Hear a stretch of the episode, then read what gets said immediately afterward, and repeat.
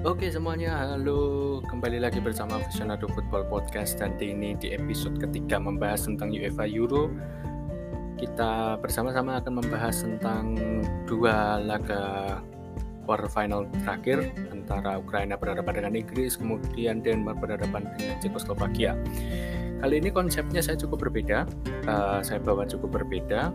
Saya Nathan Ontodi, saya sebagai bagian dari Visionado Football Podcast konsepnya di sini adalah saya akan memberikan empat pemain yang akan saya lihat cukup berimbang untuk dibuat istilahnya head to headnya lah. Nanti duelnya itu nanti ketika dipertandingkan seperti apa gitu.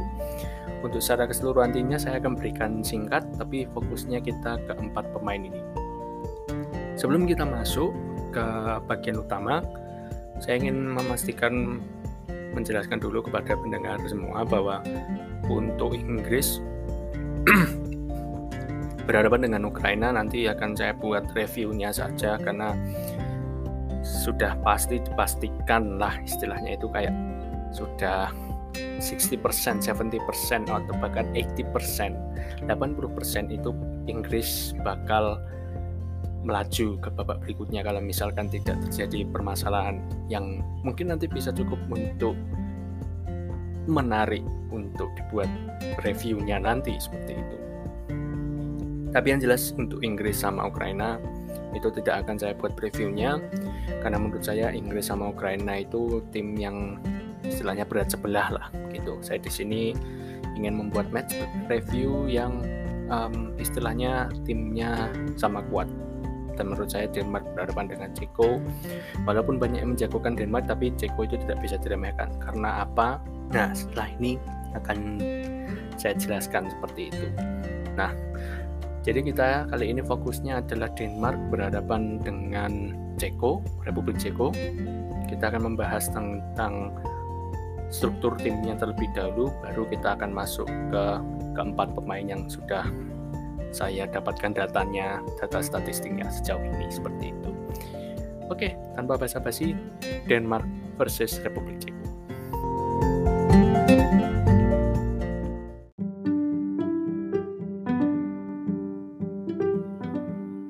Oke, tadi di bagian opening kita sudah uh, saya sudah menjelaskan mengenai struktur dari podcast ini.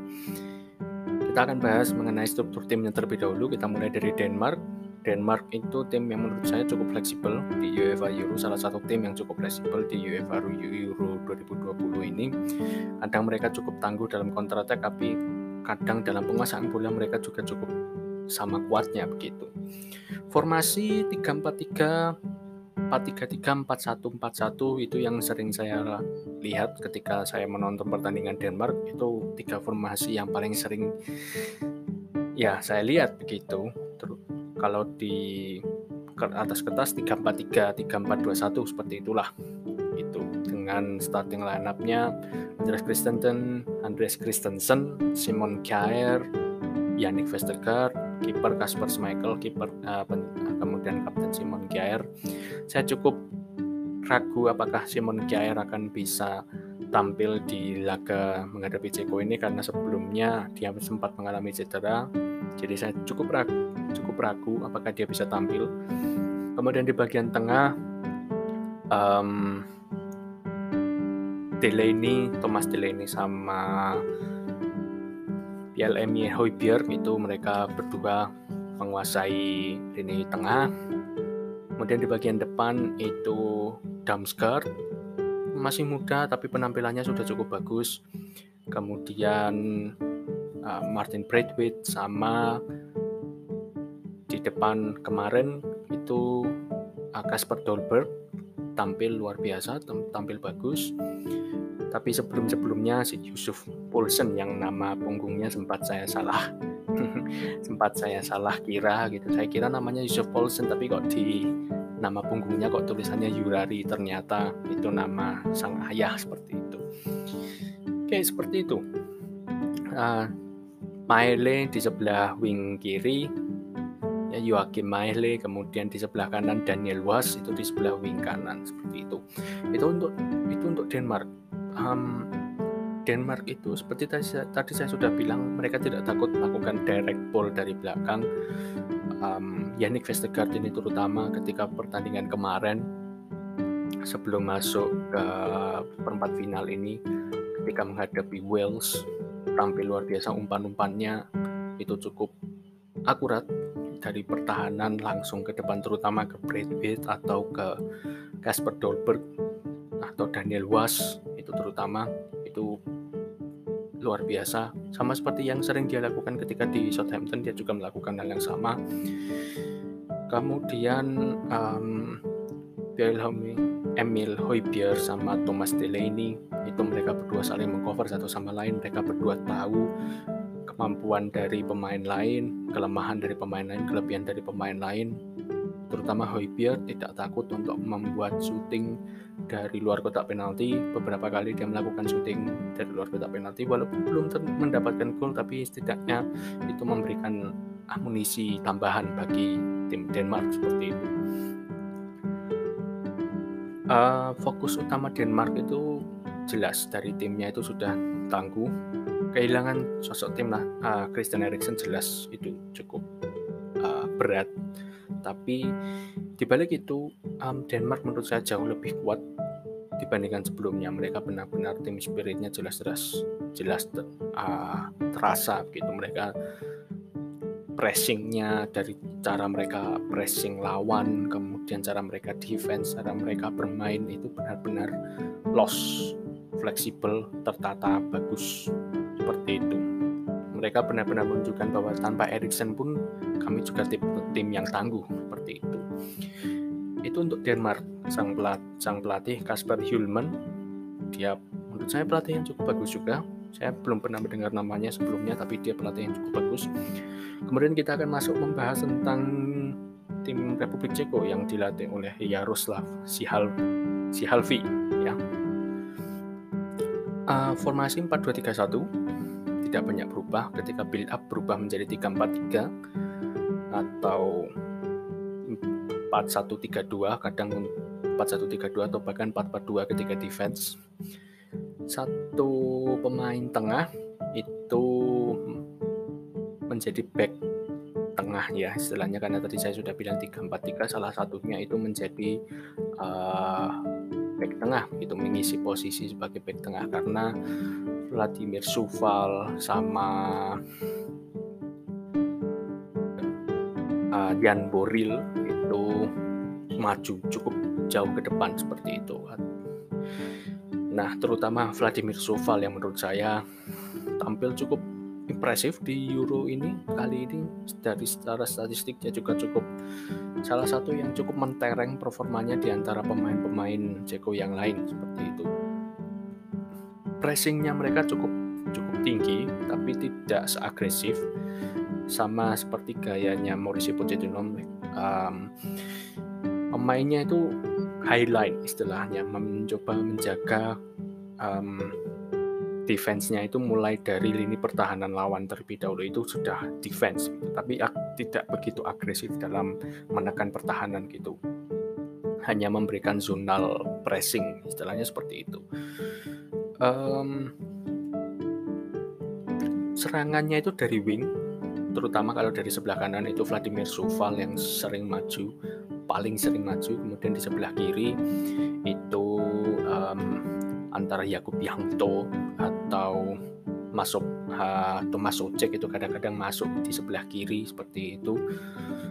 Yang terutama Yakub Yangto yang sering mem membuat crossing itu untuk Patrick Schick yang menurut saya cukup tampil juga cukup bagus. Salah satu yang kejutan salah satu pemain kejutan yang tidak semua orang kira akan tampil cukup bagus di Euro 2020 um, 4 gol sejauh ini bagi Patrick Schick salah satunya gol yang spektakuler menurut saya ketika berhadapan dengan Skotlandia dari lini dari tengah lapangan cetak gol di kompetisi semacam Euro untuk cetak gol seperti itu itu tanda bahwa dia bukan pemain sembarangan seperti itu. Mereka tidak takut untuk melakukan direct long ball dari belakang, terutama antara dari Kaluska atau Kalas, um, karena mereka punya Patrick yang secara postur itu tinggi, sehingga tidak ada masalah bagi mereka untuk bermain direct gitu. Walaupun tubuhnya cukup tinggi tapi Patrick Schick itu juga pemain yang uh, punya sinkronisasi yang bagus antara pemain di belakangnya terutama dengan Yakub Yakto. Um, apa dia bisa memberikan umpan terobosan juga dia bisa menahan bola dan semacamnya ya seperti um, nomor 9 mod modern yang sekarang dibutuhkan seperti itu. Kamu harus selain kuat kamu juga harus um, bisa mendistribusikan bola mendistribusikan bola ke pemain lain yang berlari ke pertahanan lawan seperti itu. Um, stylenya kurang lebih um, lebih banyak cenderung ke counter attack gitu. Build upnya kedua tim sama dari belakang semua. Seperti itu. Itu yang kira-kira akan terjadi um, untuk secara apa setelahnya style dari kedua tim. Setelah ini kita akan masuk mengenai head to head pemain yang menurut saya akan menjadi uh, keempat pemain menurut saya akan menjadi pilar dari kedua tim seperti itu.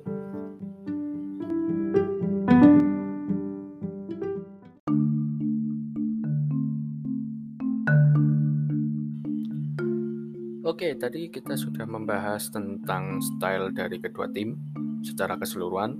Sekarang kita akan membahas tentang keempat pemain yang saya kira um, akan saling beradu dengan cukup manis di laga nanti seperti itu. Dari Denmark itu saya ambil empat dari kiper Kasper Schmeichel, back Andres Christensen, dan pemain tengah Pierre Emil Pierre Emil Højbjerg cukup susah tapi ya seperti itu namanya. Uh, kemudian bagian depan Martin Braithwaite. Kemudian dari segi dari sisi Republik Ceko kiper Thomas Vaslik uh, kemudian dari backnya itu saya pilih Andre Kolutska Selutska kemudian um, dari tengah Thomas Soucek dan bagian depan ada Patrick Schick saya perlu tegaskan kepada pendengar semua, pemilihan pemain ke delapan pemain ini itu pertama saya pilih karena keempat. Ke delapan pemain ini semuanya bermain dari laga pertama sampai menjelang uh, quarter final alias dari fase grup sampai ke fase gugur fase knockout itu mereka tampil semua. Karena saya ingin mendapatkan um, kompetisi yang imbang gitu loh alias uh, bukan kompetisi tapi uh, apa kayak semuanya itu berimbang semuanya sudah main empat kali semua seperti itu. Oke itu yang penegasan pertama. Kemudian untuk matrix yang saya pilih itu kurang lebih ada 12 rata-rata 12 metrik kecuali untuk di bagian kiper itu ada 6 matrix seperti itu Oke, kita langsung saja tanpa lama-lama kita mulai dari kiper terlebih dahulu. Oke, um, untuk kiper Thomas Vaclik dari Republik Ceko bermain di Sevilla, kemudian Kasper Schmeichel itu bermain di Leicester City di Premier League. Oke, Thomas Vaclik terlebih dahulu. Matrix pertama yang saya pakai itu adalah goal against alias gol yang sudah uh, yang sudah masuk ke gawangnya dia Thomas Paslik itu sudah kebobolan dua gol. Kemudian Kasper Schmeichel baru kebobolan satu gol. Kemudian untuk matrix uh, mengenai penyelamatan dan semacamnya matrix pertama yang saya pakai itu post shot expected goals. Jadi um, ketika uh, musuh uh, lawan itu menyerang itu pasti mereka kayak istilahnya kemungkinan besar untuk mereka mendapatkan menjadikan peluang tersebut menjadi gol itu seberapa besar. Nah ini post shot itu maksudnya um, seberapa besar peluang penjaga gawang itu menyamatkan tendangan tersebut gitu peluang tersebut menjadi gol seperti itu. Um, apa? Ya seperti itu istilahnya seperti itu. Semakin semakin besar nomornya itu berarti menandakan semakin susah bagi penjaga gawang untuk menyelamatkan uh, gawangnya dari ten tendangan lawan seperti itu. Post expected goals dari Thomas Vaclik itu 3,2 dengan 0,31 per 90 menit jadi sekitar 0,3 itu Thomas Vaslik melakukan penyelamatan yang uh, vital penting begitu bagi bagi Republik Ceko. Sementara uh, Kasper Schmeichel 2,9 itu kalau per 90 menit itu minus 0,29 kalau tadi Thomas Vaslik plus 0,31 tadi kalau saya sudah katakan bahwa semakin besar nomornya itu berarti semakin uh, susah bagi penjaga gawang untuk menyelamatkan gawang mereka begitu. Kita bisa melihat di sini plus 031 banding 0, minus 0,29. Berarti sejauh ini defense dari Denmark itu cukup tangguh begitu karena kinerja dari Tom Kasper Schmeichel itu tidak begitu susah dalam menyelamatkan gawang begitu. Shot on target yang mereka hadapi Thomas Vaslik itu sudah men, uh, menghadapi 9 tembakan langsung ke gawangnya dia sementara Kasper Schmeichel 7 penyamatan saves Thomas Vaslik sudah 6 Kasper Schmeichel 4 save percentage-nya kalau Thomas Patrick 77,8 persen, sementara Kasper Schmeichel 57,1 persen. Post shot expected goals per shot on target. Ini matrix yang menurut saya baru, tapi ini cukup mendeskripsikan. Kalau post shot expected goals itu tadi saya sudah jelaskan, ini dibagi shot on target. Jadi um, ketika semakin besar nilainya dari post shot expected goals-nya itu tadi kan semakin susah. Itu dibagi dengan shot on target yang mereka hadapi itu um, kalau Thomas Patrick itu nilainya 0,36. 0,36 ini mengindikasikan bahwa dari shot on target yang sejauh ini 9 dengan post shot on post shot expected goals 3,2 itu berarti mengindikasikan bahwa 0,36 itu Thomas Paslik secara 0,36 gitulah 0,36 persen gitu bisa menyelamatkan gawang gitu. Post expected goals per shot on target itu juga sama semakin besar nomornya semakin besar nilainya itu berarti semakin susah bagi penjaga gawang untuk menyelamatkan gawang uh, menyelamatkan memblok tendangan lawan seperti itu paling gampangnya seperti itu. Sementara untuk Caswell Michael nilainya 0,27 dari segi kiper kita sudah bisa melihat defense Denmark itu jauh lebih kuat gitu. Tapi kalau kita hanya melihat kiper itu ya kurang begitu bagus lah gitu. Oke, kita sekarang masuk ke back. Untuk di back itu tadi saya sudah pilih Andre Seluska dengan Andres Christensen. Saya ingin mengambil Simon Kjaer tapi saya ragu-ragu apakah dia akan tampil di laga menghadapi Ceko Republik Ceko nanti atau tidak karena dia menghadapi cedera itu sebabnya saya pilih Andres Christensen yang pastinya bisa tampil seperti itu. Oke, di sini ada 12 metrik yang saya pilih. Matrix pertama, kategori pertama itu terkait dengan passing, kemudian pergerakan movement ya dalam penguasaan bola itu seperti apa dia, kemudian matrix terakhir itu terkait dengan um, defense gitu. Oke, terkait dengan passing. Andre Seluska itu uh, saya sebut Seluska begitu saja ya. Itu sudah melakukan sukses um, umpan sukses sebanyak 130 kali, 131 kali di mana 60-nya itu passing medium. Istilahnya dari jaraknya itu dari 15 sampai 30 yard gitu 15 sampai 30 yard berapa meter itu mungkin para pendengar nanti bisa ngecek sendiri seperti itu. Passes completed percentage-nya, persennya itu dari 131 umpan sukses itu akurasinya untuk jadi berhasil itu sekitar 86,2 persen. Kalau untuk Andres Christensen, um, umpannya sejauh ini sudah 204 lakukan umpan sukses dengan passes completed percentage-nya 93,2%. Jelas jauh lebih tinggi, sedikit umpan, nah, lebih banyak umpannya dan lebih akurat. Ya karena gaya Christensen pun kita juga sudah bisa melihat. Ketika di Chelsea gayanya pun juga sudah dia dia memang ball playing center center half bukan uh, yang tugasnya mendistribusikan bola dari belakang begitu.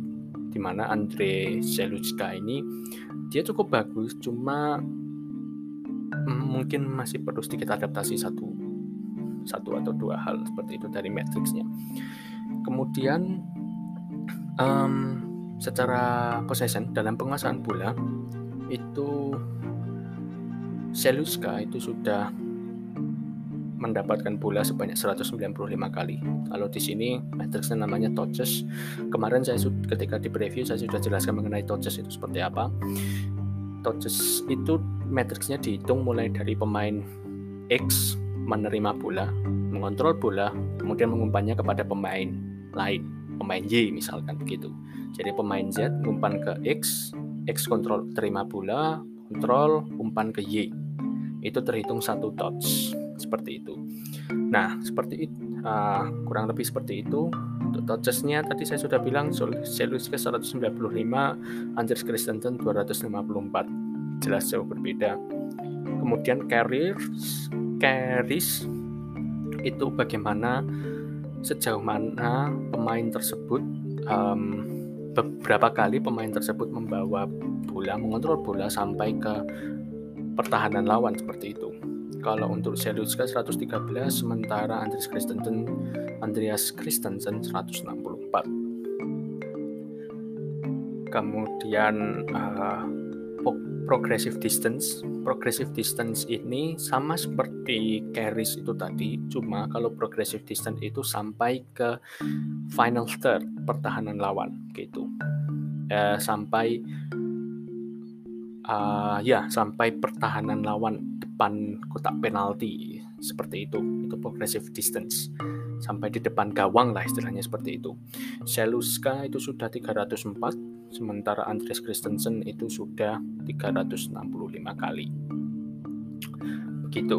Itu untuk kedua matriks perbandingan kedua pemain dalam um, penguasaan bola. Kemudian kita lanjut ke yang terakhir namanya pemain bertahan yang bagaimana cara dia bertahan. Kan gitu. Ya untuk yang pertama metode pertama yang saya pakai itu blocks. Nah, blocks itu ya bagaimana dia memblok antara entah tendangan atau entah umpan seperti itu. Kalau untuk blok Ondrej Seluska 4 sejauh ini dia sudah memblok 4 dengan tiga di antaranya itu tendangan langsung ke gawang. Kemudian Andres Christensen itu empat dengan satu uh, dengan satu tembakan langsung ke ke gawang Kasper Schmeichel seperti itu. Kemudian ada tackles, tackles one-nya itu sejauh ini Seluska sukses menang tiga dari empat kamu sementara Andres Christensen itu tiga dari um, menang tiga hanya kalah satu. Sementara tadi maaf untuk Seluska menang tiga kalah empat seperti itu. Empat kali empat kali percobaan. Empat kali gagal seperti itu. Kemudian tackle versus pemain yang suka mendribble seperti itu. Seluska dua kali dari um, 7 kemudian um,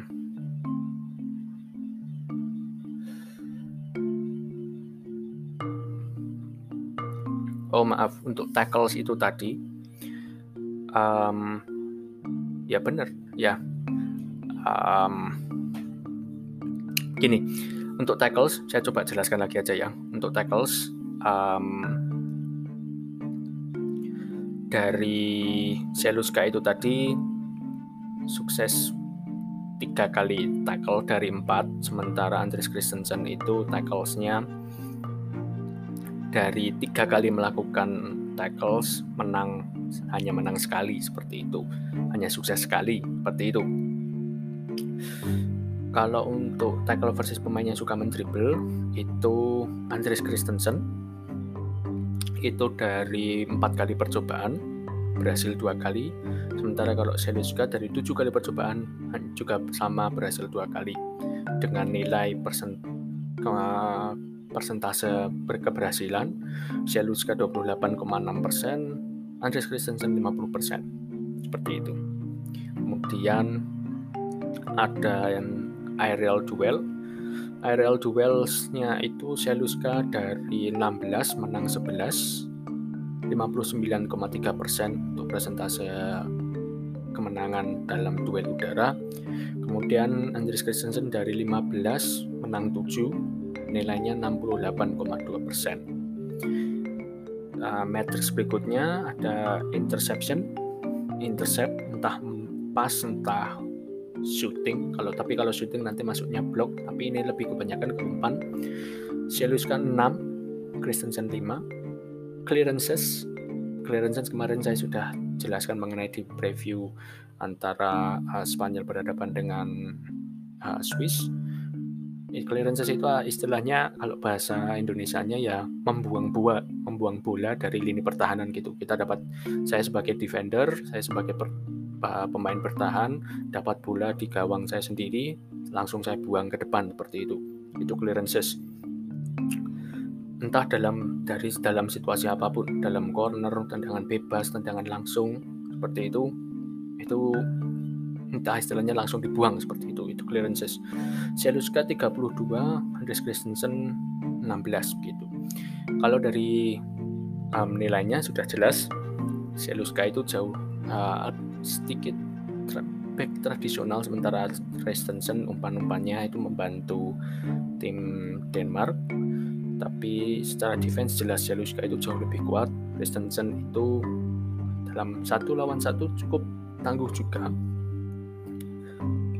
tapi yang membedakan adalah um, mau bagaimanapun tetap pemain bertahannya bertahan seperti itu dan sejauh ini Seluska menurut saya unggul tipis sedikit dibandingkan um, Andreas Christensen dalam hal bertahan seperti itu bagaimana cara menjadi bagaimana dirinya melakukan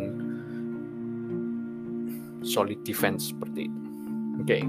itu untuk back. Kita langsung masuk ke pemain tengah. Itu perbandingannya Thomas Sucek dan Pierre, Pierre Emil Hoiberg. Ini ada 13 matrix yang saya pakai.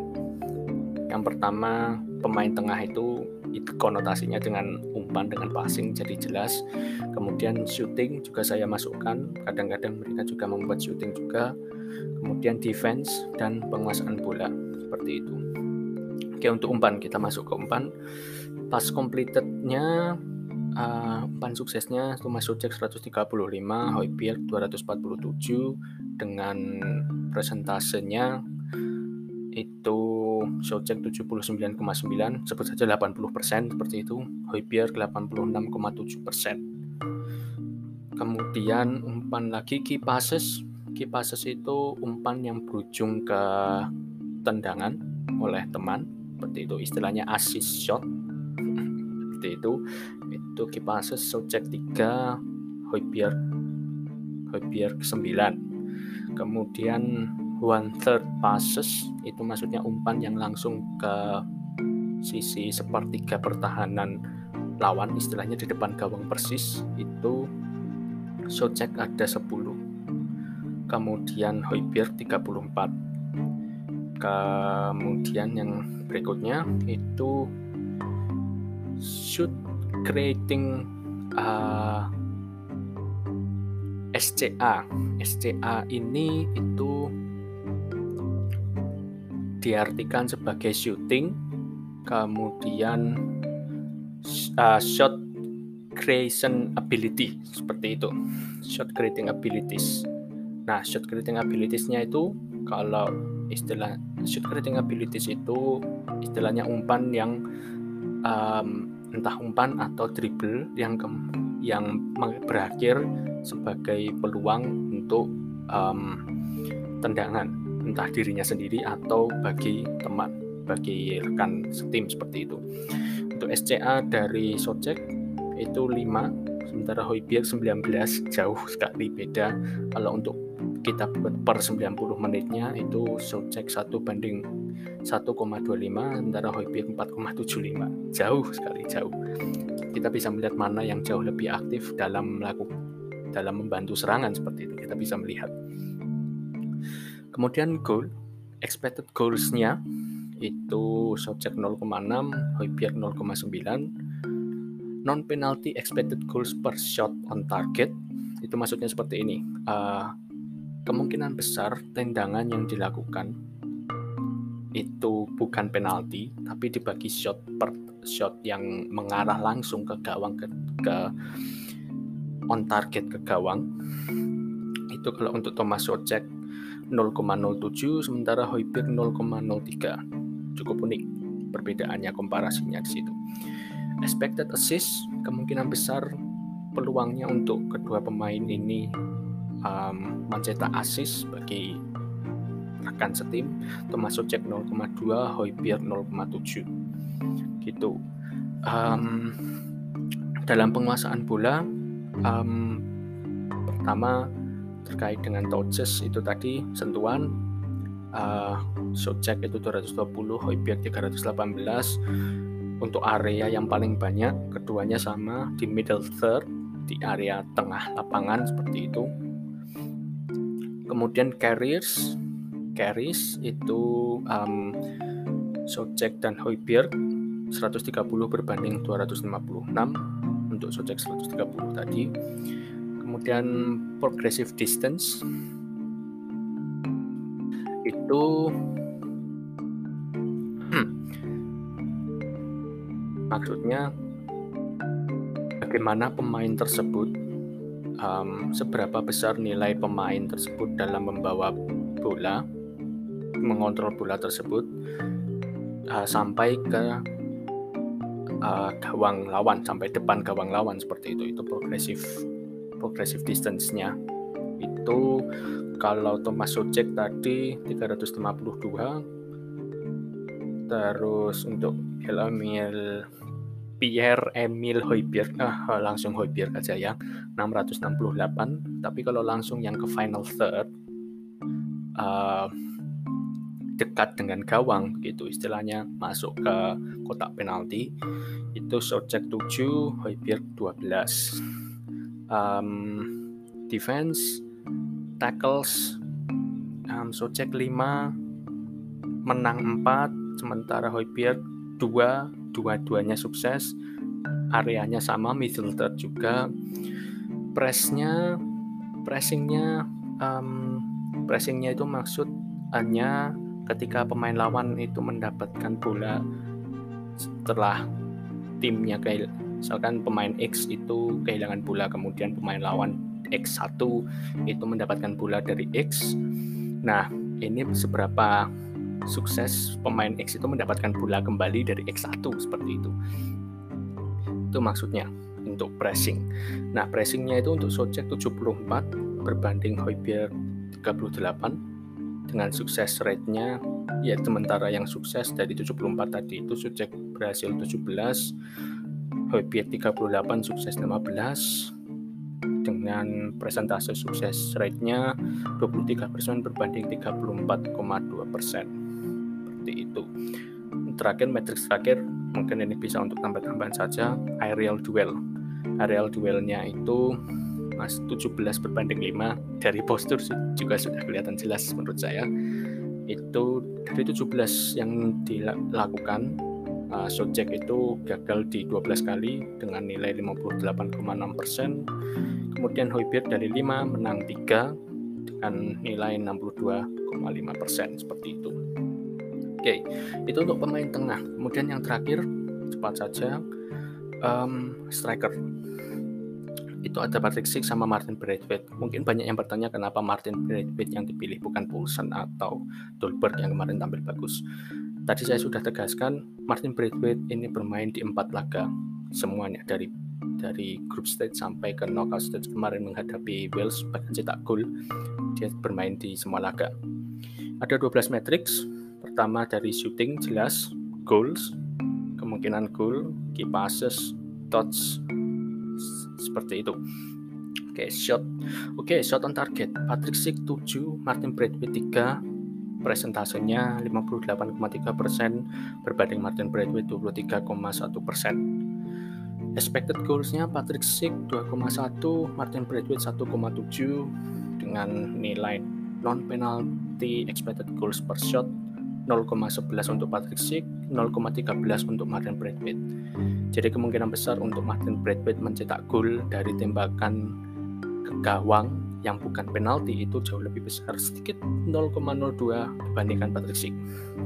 Shot per 90 menit kalau Patrick Schick 1,96 istilahnya 2 shoot 2 shot per game sementara kalau Martin Braithwaite 0,76 ya 2 banding 1 lah istilahnya seperti itu. Goals per shot on target itu maksudnya dari shot on target itu berapa kali dia sukses mencetak gol goals per shot on target itu kemungkinan besar Schick 0,43 sementara Martin Braithwaite 0,33 tipis-tipis. Seperti itu. Kemudian key passes um, Patrick Schick 0 sejauh ini masih 0 Martin Braithwaite itu sudah 6 dengan 6-6 nya itu langsung mengarah ke sepertiga pertahanan lawan alias di depan gawang persis seperti itu. Sementara kalau untuk Patrick Schick, walaupun key passesnya yang berujung ke shoot masih nol, tapi dia sudah mengirimkan umpan sebanyak tiga kali ke depan pertahanan gawang lawan seperti itu. Kemudian ada pas, udah ada umpan 60 banding 98 dengan nilai sukses 75,9% dan 77,2%. Gitu. Kemudian GCA sama sama SCA tadi SCA sudah saya sebut sementara GCA itu goal creating goal goal creating chances seperti itu goal creating ability seperti itu goal and shot creation itu kalau untuk GCA-nya Patrick Schick itu satu SCA-nya 3 sementara Martin Braithwaite 7 berbanding dengan SCA-nya 11 jauh lebih banyak Martin Braithwaite dia lebih aktif seperti itu ya. Kemudian dalam penguasaan bola, touches, uh, touch Patrick Schick 122 berbanding 178 untuk Martin Braithwaite dengan di bagian attacking third alias di pertahanan di bagian akhir pertahanan lawan itu Patrick Schick ada 59 Martin Braithwaite 110 dengan daerah di mendapatkan sentuhan di bagian penalti itu Patrick Schick 16 berbanding Martin Braithwaite 26 dribbles um, sejauh ini Patrick Schick sukses 5 kali melakukannya 7 kali dengan nilai presentasi 71,4 Martin Braithwaite melakukan 9 kali sukses 4 kali presentasi 44,4 persen carries um, Patrick Schick 73, Martin Braithwaite 122. Sementara untuk progresif, progresif itu bagaimana dia mengontrol bola sampai bukan hanya um, ke ke pertahanan lawan tapi juga sampai ke daerah dekat dengan daerah penalti seperti itu. Itu untuk Patrick Schick itu 8, dengan sampai ke final third itu 5 sementara Martin Braithwaite progresifnya itu 22 berbanding dengan one. Final thirdnya itu 6 aerial duelsnya ini matrix terakhir. Itu ada um, untuk Patrick Schick 7 kali menang 24 kali kalah dalam aerial duel dengan nilai persentase 22,6%. Sementara Martin Braithwaite itu aerial duelnya menang 7 kali, kalah 12 kali, jadi total 19 kali seperti itu ya. Dengan nilai persentase 36,8% seperti itu. Nah begitu untuk um, head to head dari keempat pemain, mulai dari Kasper Schmeichel berhadapan dengan Thomas Vaclik, kemudian um, Andre Selutska dengan Andres Christensen, Hoibier berhadapan dengan Soucek, dan yang terakhir Martin Braithwaite berhadapan dengan Patrick Schick seperti itu. Apa implikasinya? Setelah ini akan kita bahas lebih lanjut seperti itu. Yaitu untuk head to headnya.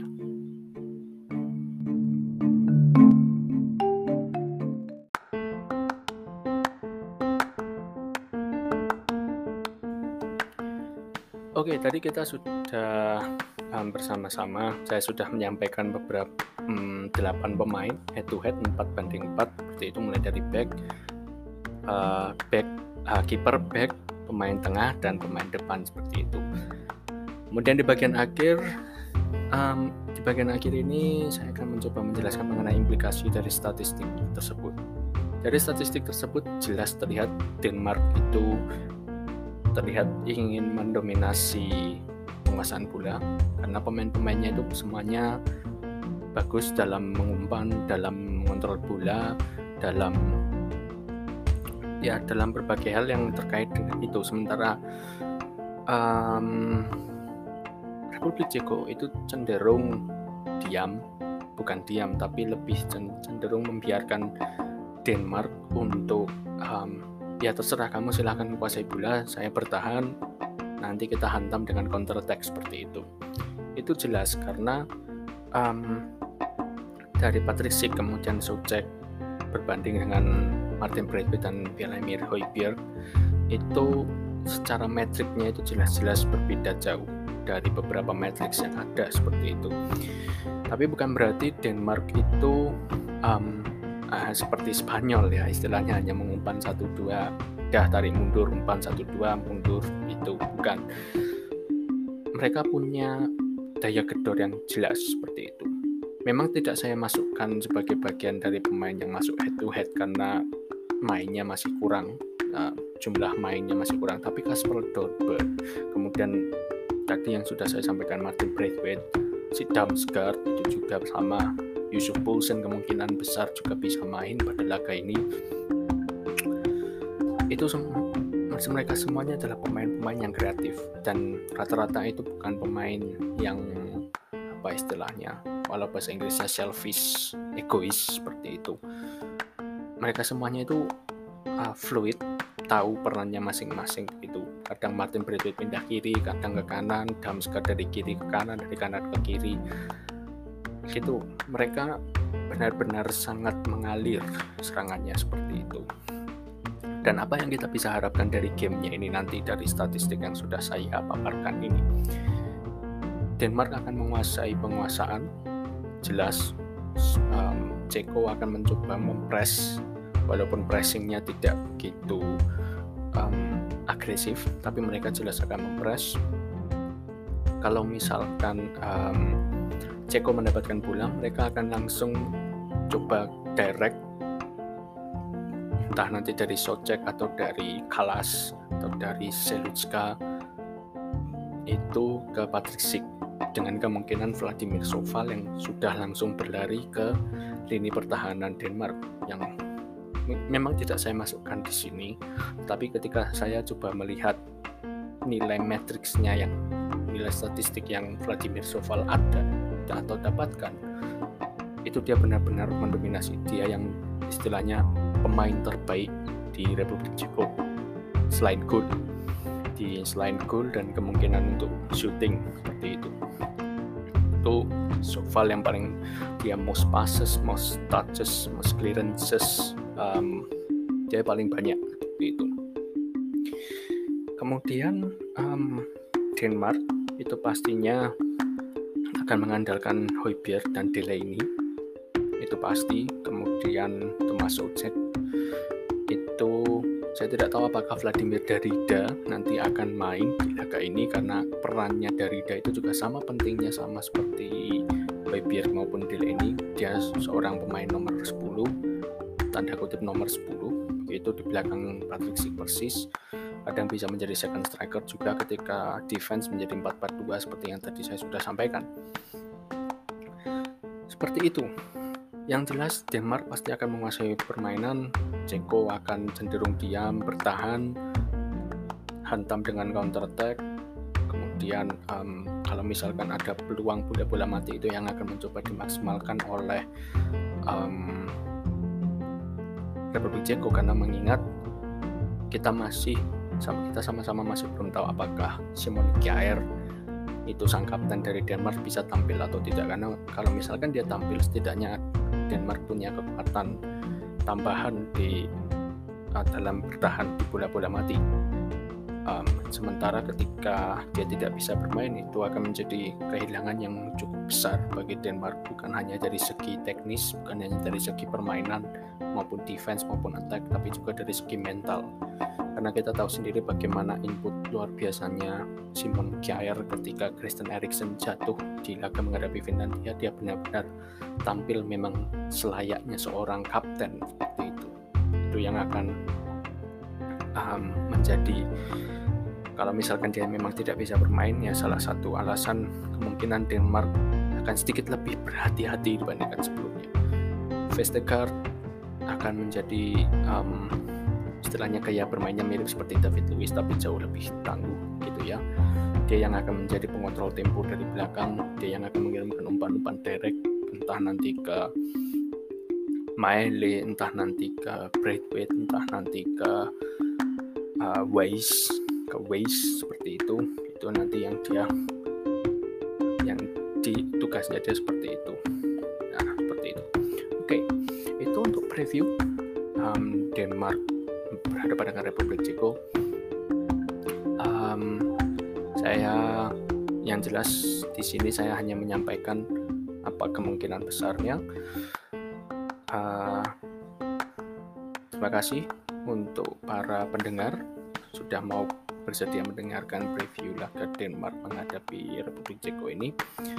Yang jelas ini akan menjadi pertandingan yang seru karena kedua tim itu menurut saya sama-sama um, imbang.